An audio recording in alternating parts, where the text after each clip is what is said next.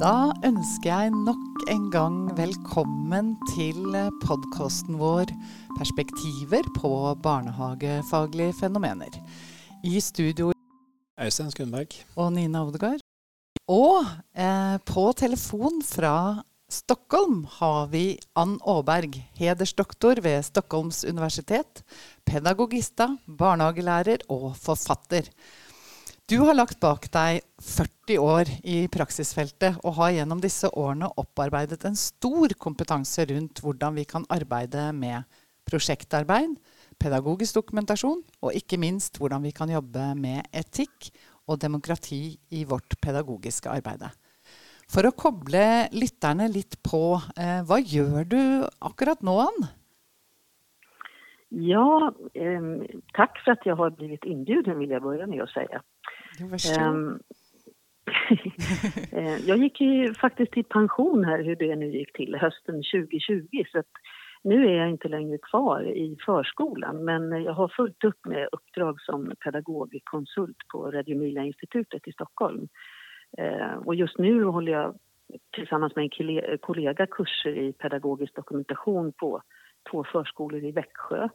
Och så eh, också där fortsätter vi med en ny grupp pedagoger under våren. Eh, och sen är jag också inblandad i eh, pedagogutbildningen som institutet startar ytterligare en nu till våren där jag är en av fyra kursledare. Och det är faktiskt, tror jag, den sjätte omgången av pedagogutbildningen. Det är otroligt spännande. Och sen så föreläser jag också vid återkommande tillfällen för studenterna på förskollärarutbildningen på Stockholms universitet. Ja, det är väl vad jag håller på med. Ja, det høres jo ikke ut som en pensjonert eh, Nej, medarbeider. Nej, jag hör det. Jag hör att det inte riktigt stämmer, men eh, det, den stora skillnaden för mig nu är ju att jag inte riktigt har den där eh, fina närheten till praktiken som jag har haft i alla år. Och den kan jag verkligen sakna faktiskt. Men, men. Ja, det, det, det forstår jeg veldig godt. Det kan man kjenne på Mm. også når man begynner å jobbe på universitetet. At man må Ja, kjempe forstår det. litt for å, å, å Mm. beholde den kontakten med praksisfeltet. Ja. Men du nevnte pedagogutbildningen, annen pedagogutdanningen, og jeg tror for våre lyttere eh, blir nok litt nysgjerrig på hva er det? Ehm, ja, det, är, det har sett lite olika ut, men, men som det ser ut nu så går den över tre terminer. Eh, eller jag vill säga två terminer. Eh, och så ses man tre eller fyra gånger per termin. Eh, och det är, tanken är ju att det ska vara förskollärare eh, som vill fördjupa sig i eh, Radio Emilia-inspiration. Alltså vad kan det innebära att arbeta som Reggio Emilia-inspirerad pedagog? Så tanken är inte att de här pedagogerna som går den här utbildningen sen ska bli pedagogistor eller, eller så, utan vår förhoppning är ju att, att de här pedagogerna ska bli kvar tillsammans med barnen. Eh, Men bli mer säkra i sin roll, tänker vi. Det høres ut som en veldig spennende utdanning. Ja, det är, jätte, det är väldigt, väldigt spännande. For våre studenter, eh, Ann, så er du kanskje mest kjent for den boka som heter 'Lyttende pedagogikk', som er Mhm. mye brukt eh, på flere utdanninger. Og den, den har akkurat kommet ny utgave på, svensk. Ja. Og hvor- hvorfor tenkte du at den trengte å revideres, og tror du den kommer i norsk utgave? ja, alltså det skulle ju vara fantastiskt om den reviderade upplagan kunde bli översatt till norska. Det tycker jag verkligen behövs också. Men eh, ännu så har jag inte fått någon fråga om det. Men det kanske är du Nina som ska göra den översättningen tänkte jag. Vad säger du om det? Det hadde Ja, vært varför fantastisk. inte? Vi får se om noen biter på, da. Ann. ja, vi får väl se. Mm. Eh, nej, men det skulle vara roligt eh, och jag tänker också att det behövs. För den ursprungsboken skrev jag år 2005, det är väldigt länge sedan. Så att, eh, det behövs tycker jag. Eh, och var, ja, alltså för det, varför vill jag revidera boken? Det var så att för ett antal år sedan så, så fanns det inte så mycket litteratur kopplat till ett projekterande arbetssätt tillsammans med de här yngre barnen. Och i mötet med pedagoger när jag var ute och föreläste eller i handledningssituationer så fick jag otroligt ofta frågan Eh, men hur gör man med de yngsta då? Eh, och jag började förstå att det var faktiskt viktigt att sprida berättelser med just de yngsta barnen i fokus.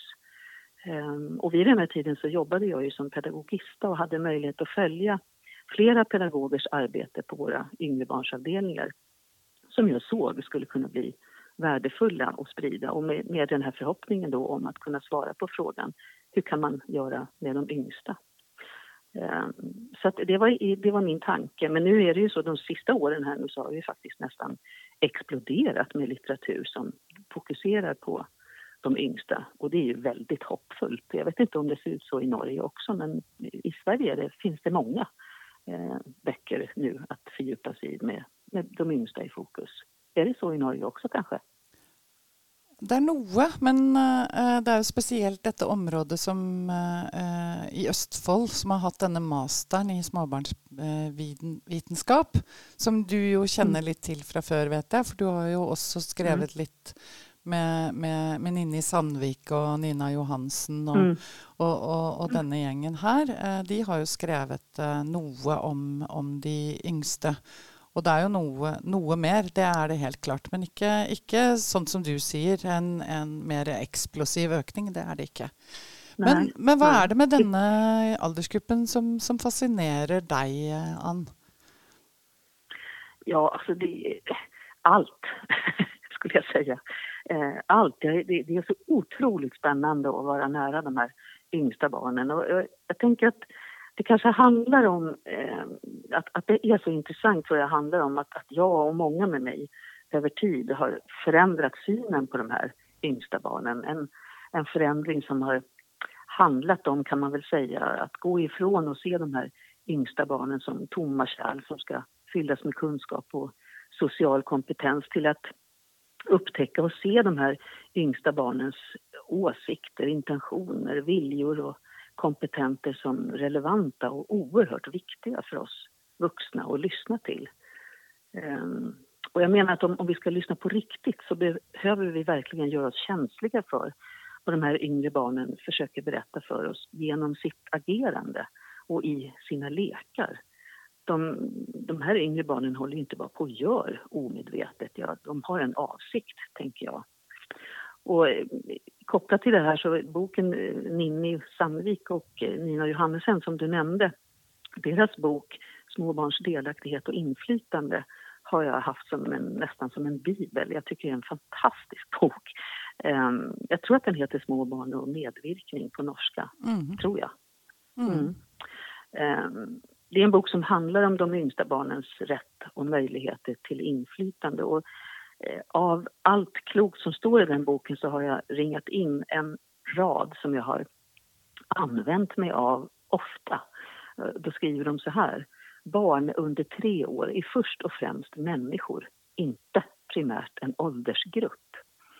Eh, det är en fråga som jag har fäst mig vid och också som har fått mig att inse hur, hur viktigt det är att vi i förskolans vardag faktiskt hjälper varandra och se bortom alla fastlagda kategorier och tankemönster om vad barn är, vad de kan och hur de utvecklas och lär.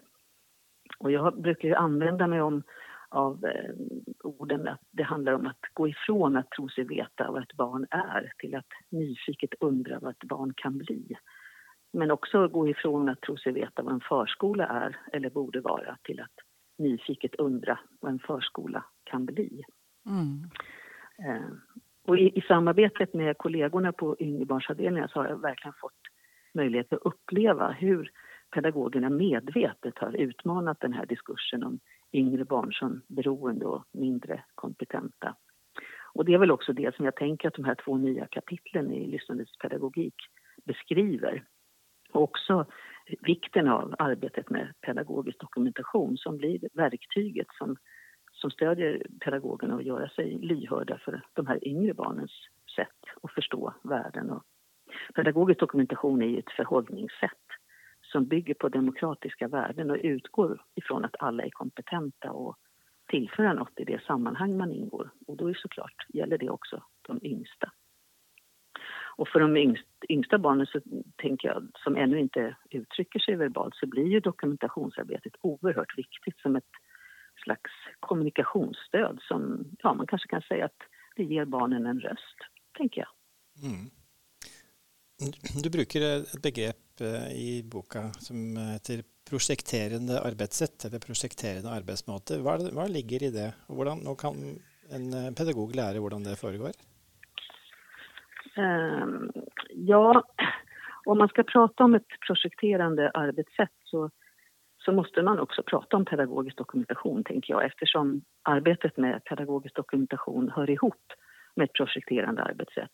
Mm. Eller jag har mer och mer börjat använda mig av att säga ett utforskande arbetssätt. Det blir som lite mer konkret. Um, och I våra förskolor så har arbetet med pedagogisk dokumentation varit helt centralt i den här strävan att, få, att kunna lyssna till barns upptäckter och frågor för att sen kunna väva in dem i, i planeringen av både innehåll och hur miljön kommer att se ut och hur material kommer att vara i, i ständig förändring. För i ett utforskande arbetssätt så handlar det om att medvetet lyssna in barnens frågor och intressen och sen väva ihop dem med pedagogens intentioner och kunskaper på ett omsorgsfullt och lekfullt sätt. Ehm, så vi brukar prata om att, att det handlar om att både följa barnets blick men också rikta barnens blick. Ehm, vi kan ju inte bara gå på det som barnen själva kommer på eller säger utan vi behöver också dela med oss av, av våra kunskaper och erfarenheter. Ehm, så pedagogens bidrag är ju förstås att lyssna men, men sen också lägga till genom att förflytta och vidga och förbinda barnens alla olika intressen. Ehm, jag brukar säga att vi kan inte komma tomhänta till barnen. Mm. Vad, ska, vad, ska, de ha oss till? Ja, det och det tänker jag är viktigt.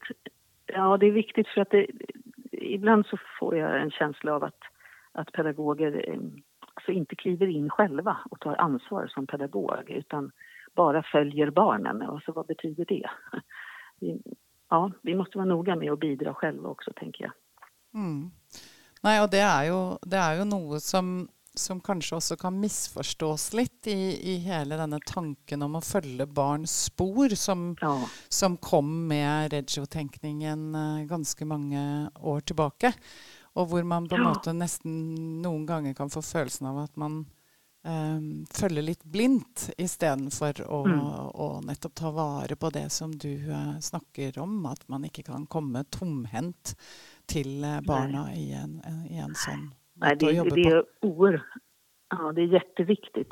Det här är någonting som vi tar upp eh, på många olika sätt i pedagogutbildningen till exempel vikten av pedagogens ansvar att leda barngruppen. Ehm, så det har blivit, det har blivit nödvändigt att prata mycket om det, känner jag. Mm. Har du några exempel på hur vi kan eh, kliva in, då, som du säger, eller, eller bidra eller eh, inte komma tomhänt? Alltså, ja, det går ju svårt att säga. Ja, för det kommer an på, vi, Ja, det blir ju... ja, ja, precis. Det beror, mm. det beror ju alldeles mm. på. Men jag tänker att vi, att vi, ehm, för att kunna gå in och leda så, så, behöver vi också ha lyssnat först, om det ska bli meningsfullt. Eh, så allting handlar ju om att vara nära barnen och lyssna. Eh, det handlar om att eh, jobba med dokumentationsmaterialet så att vi, så att vi är så säkra som vi kan vara på att vi skapar meningsfulla sammanhang tillsammans med barnen. Men att vi måste veta vad har vi för syfte när vi kliver in Eh, vad är vi ute efter så att vi inte far omkring liksom, förvirrade. För barnen har ju så himla mycket idéer så vi måste ju veta vad, vad är vi ute efter. Mm. Är, är detta något som du märker i praxis att, eh, att uh, pedagoger kan enten bli för ivriga eller att de blir för passiva i förhållande till att de väntar, att, väntar på att barnen ska ta till sig något och ska, ska visa ett sånt initiativ och att man då blir mer avväntande? Att det är en slags balans som ja. är vansklig? Alltså jag, jag, jag, ser, ehm, eh, jag ser och förstår att eh, pedagoger eh, har... Alltså man skulle behöva en, en ehm, eh, man skulle behöva utbildning i ledarskap, mm. tror jag. Eh, för att eh, man, ofta så, och det kopplas ju ofta ihop med Radiomila inspiration, tråkigt nog, det här att, att det är barnen som ska bestämma. Jag tänker det handlar väl inte om, att, om vem som ska bestämma, det handlar inte om det. Eh, och jag, jag tror att eh, det finns en rädsla för att, att man styr barnen eh, när man går in som pedagog. Så det där behöver man prata om. Ja, så det handlar om att vara nära och lyssna, men det, ja, vad ska de ha oss till? Mm. Ja, ja. Det, det syns jeg er et veldig, veldig godt poeng. At pedagogen skal jo gjøre en forskjell. Skal jo være skal tjene til noe. Og at eh, kanskje mange har lært at eh, barnets initiativ er så viktig og verdifullt at man, eh, at man blir for forsiktig, da. Men det, det, jeg syns det var veldig interessant når du sier at, eh, at prosjekterende arbeidssett at det kan man liksom kalle det utforskende. fordi at når, Hvis man bruker ordet prosjekt i, i barnehagen, så handler det ofte om en sånn tidsbegrenset veldig sånn prosjekt om kroppen eller om eh, universet eller liksom, Ja. ja sånn, veldig sånn, litt sånn eh, faglig ramme, eller att det är ett tema, och att det är projekt. Då. Ja, för där blir ju, det, har, det förstås ju på så många olika sätt förstås. Så att, projektet kan plötsligt bli någonting som pågår mellan 9 och 11 på förmiddagen och sen är det liksom inget mer. Mm. Uh, jag, jag tänker att i det här arbetssättet, om, om vi pratar om ett utforskande arbetssätt så kanske det går lättare att förstå att det är ingenting som pågår mellan 9 och 11 utan det är ett utforskande arbetssätt som, som vi har hela dagen. Mm. Um, mm, inte bara i en liten stund. Det här är det, det råder en del förvirring runt det här. Ja. Det gör det. det gör det. Du har helt rätt i det. Jag har mm. sett det mycket mm. själv också. Och jag syns det är intressant det du säger om om eh, ledelse. Altså vi, vi, vi, snakker jo om pedagogiske ledere i Norge. Når vi snakker om vi bygger opp en avdeling, så har vi jo pedagogisk ledelse. Men, eh, men, mm. men hvordan man går inn og blir en sånn type leder som du beskriver, er jo, er jo interessant å ta en ordentlig diskusjon om. Ja. Mm. Jag tänker att det är jätte, jätteviktigt, för barnen har rätt till att möta pedagoger som vet varför de är där och vad, och vad, vad som ska göras. De kan inte mötas av pedagoger som, som tänker att det är barnen som ska komma på allt. Det, det, det funkar ju inte. Nej. Du, I den nye utgaven og også i flere andre kapitler jeg har vært så heldig å lese i det siste, så, så har du skrevet om det du på svensk kaller holdbar framtid. Eller bærekraftig mm. framtid, som vi sier på norsk. Eh, hva er det som har vekket din interesse for dette temaet, og kan du fortelle litt om hvordan dere har jobbet med temaet i din sammenheng, eller i din tidligere sammenheng, ja. kanskje? Ja, men det är ju så fantastiskt spännande. eh, och egentligen så startade det här, eh, vårt arbete med hållbar utveckling, ja, det var väl våren 2016 om jag inte minns fel. Eh, för då började, började jag förstå, som pedagogista då, så var det ju mitt ansvar att och, ehm, tänka kring teman. Ehm, och jag började förstå att det var otroligt många förskolor runt om oss som hade börjat arbeta med, med hållbar utveckling på ett mer medvetet sätt än vad vi hade. Och eh, jag insåg att vi, det här var ett jättestort utvecklingsområde för oss för vi hade väl i stort sett nöjt oss med att vi höll på med lite sopsortering och att vi var noga med ekologisk mat och lite sånt. Um, så eh, det ledde sen till att vi bjöd in Nina Odegard som föreläste för oss, eh, för alla pedagoger utifrån din bok Nina, Återbruk som kreativ kraft. Eh, det var liksom starten på det här arbetet och det blev en, en föreläsning som verkligen satte fart på oss alla. Och sen använde vi den boken under hela året i vårt interna nätverk. Eh, och, och, den tillsammans med alla pedagogernas dokumentationer eh, berikade verkligen våra reflektioner och det ledde till stora förändringar vad gäller både val av material på, på förskolan och miljöerna förstås som utvecklades. Och något som jag tror, eller tror gör jag inte, jag är säker på, hade en helt avgörande betydelse, det var att vi inte bara arbetade med verbala reflektioner i, i nätverket utan att eh, vid, var, vid varje träff så jobbade vi också med kreativa reflektioner där pedagogerna fick möta och skapa relation till återbruks och naturmaterial på många olika sätt. Ehm, det var ju nytt för oss kan man säga i våra förskolor det här med återbruksmaterial så det, det behövde vi få pröva tillsammans. Ehm, så det var spännande så vi började med att koncentrera oss på att göra de här konkreta förändringarna i förskolans lärmiljöer med fokus på återbruksmaterial. Men sen över tid så kom den här förändringen att leda till att vårt fokus mer och mer kommer handla om hur vi tänker kring hållbara relationer och hur demokratiska värden kan lyftas fram på ett mer medvetet sätt i vardagen. Eh, och jag minns att eh, frågor som vi fastnade vid och vände och vred på, eh, det var de här. Hur förvärvar barn sina kunskaper? Vad är det vi väljer att se? Ser vi vilka värderingar barnen förvärvar? Eller är det ofta så att vi fastnar i att ha fokus på prestationer?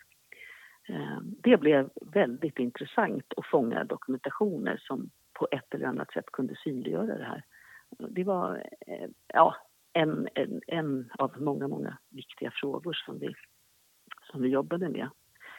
Eh, och i nätverket så la vi också ner mycket tid på att försöka ringa in nyckelbegrepp som vi tyckte skulle kunna känneteckna det här arbetet med hållbar utveckling i förskolan eh, kopplat till hållbara relationer då.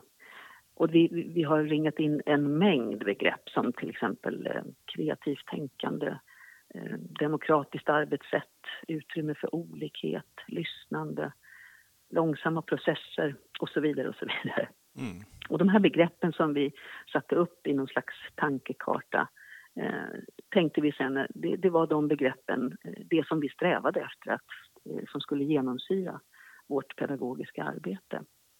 Men, eh, men här blir det också viktigt att det inte bara blir en massa ord som vi säger eller skriver utan det här måste ju synas i vardagen, tänker jag, i mötet med barnen. Så igen så blir dokumentationsarbetet oerhört viktigt ehm, för att ge liv åt orden.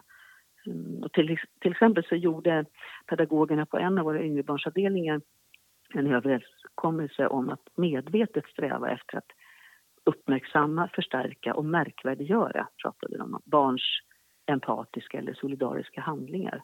Så de dokumenterade väldigt nogsamt över lång tid till exempel när och hur barnen delar med sig. Ehm, när och hur de använder sina kreativa förmågor. Ehm, och också väldigt, var pedagogerna väldigt noga med att lyfta fram och sätta ord på barnens handlingar med stöd av demokratiska värdeord. Mm.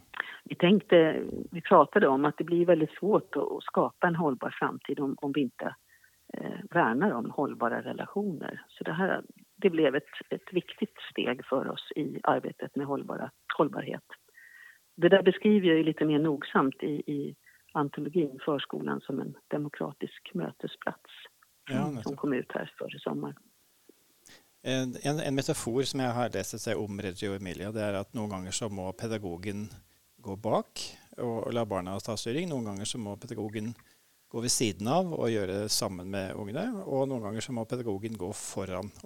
Men den, den metaforen tenkte jeg på, eh, for jeg har forstått sånn at i den svenske skoleloven, skolelagen, så har eh, begrepet undervisning kommet inn eh, i forbindelse med barnehager. Betyr det at, at pedagogen i barnehagen må gå foran i større grad enn før? Altså være den som, som, som legger rammene, eller på en måte nærmest eh, målstyrer? Alltså jag, ja. jag, jag, tror att, eh, eller jag vet att det ser väldigt olika ut på olika förskolor. Um, för, för några kanske har blivit mera skollikt, eh, tror jag, det här med undervisningsbegreppet. Mm. Men jag hoppas och jag tror att de flesta har försökt att ladda om det här begreppet och hitta nya sätt att förhålla sig till hur undervisning kan ta form i förskolans vardag. Och på, på våra förskolor så har vi lagt ner otroligt mycket tid på att reflektera kring vad det kan betyda i förskolans kontext, det här med undervisning. Eh, vi har reflekterat kring frågor som till exempel hur tänker vi om att kunskap skapas? Eh, vad kan känneteckna undervisning i förskolan och hur ser undervisning ut i ett utforskande arbetssätt? Vi behövde verkligen bena i det här eh, begreppet undervisning och koppla det till hur vi tänker att lärande sker eftersom den syn på barn och barns väg till kunskap som präglar förskolans pedagoger kommer ju förstås att påverka hur undervisningen kommer att praktiseras. Och historiskt sett så finns det ett stort motstånd mot undervisningsbegreppet i förskolan ja. eftersom det för många av oss, tänker jag, är förknippat med förmedlingspedagogik och de här klart definierade kunskapsmål. Så det blir oerhört viktigt att vi laddar begreppet, laddar om och vidgar det och fyller det med en innebörd som passar in i en modern förskolekontext. Det blir ju oerhört bekymmersamt, tänker jag, om undervisningsbegreppet associeras med skolans traditionella kunskapsförmedling, förutbestämda metoder och lektionstänkande. Mm. Men här hade vi faktiskt hjälp av, av de här nyckelbegreppen som jag nämnde sist, eh, som vi ringade in kring hållbara eh, relationer, för det blev också, de begreppen blev också användbara för oss eh, om vi tänkte om dem som hållbara undervisningsbegrepp. Alltså begrepp som vi tänkte att undervisningsprocesser skulle präglas av. Så vi har haft mycket nytta av de där, den där kartan över eh, hållbara relationer och begreppen på, på flera sätt. Mm. Spännande. Du, eh, Ann, vi er nødt til å, å avslutte. Eh, det er mm. eh, sånn at disse episodene de skal eh, være omtrent som en busstur fra et sted til et annet, eller en T-banetur. Så vi nærmer oss slutten. Men helt til slutt har jeg lyst til å spørre om er det noe du eh, gjerne vil si noe om, som vi ikke har klart å komme inn på i spørsmålene til deg? Åh herregud, har vi två timmar till på oss? det skulle vi gärna haft då. ja, nej men åh, det går inte ens att börja på någonting. Det, det är så otroligt. När jag satt och förberedde mig för det här samtalet så tänkte jag herregud, det är så mycket som man skulle vilja prata om. Men eh, det, det kan bli ett annat tillfälle. Ja. Ikke sant. Ja, nei, men ja. tusen takk. Eh, da må jeg bare få lov å takke deg, eh, Ann Aaberg, fordi du valgte å gi oss av din tid og komme til eh, vår podkast. Eh, Podkasten 'Perspektiver eh, på barnehagefaglige fenomener'. Eh, I studio i dag så har vi Øystein Skundberg og Nina Odegaard. Og dette er et samarbeid mellom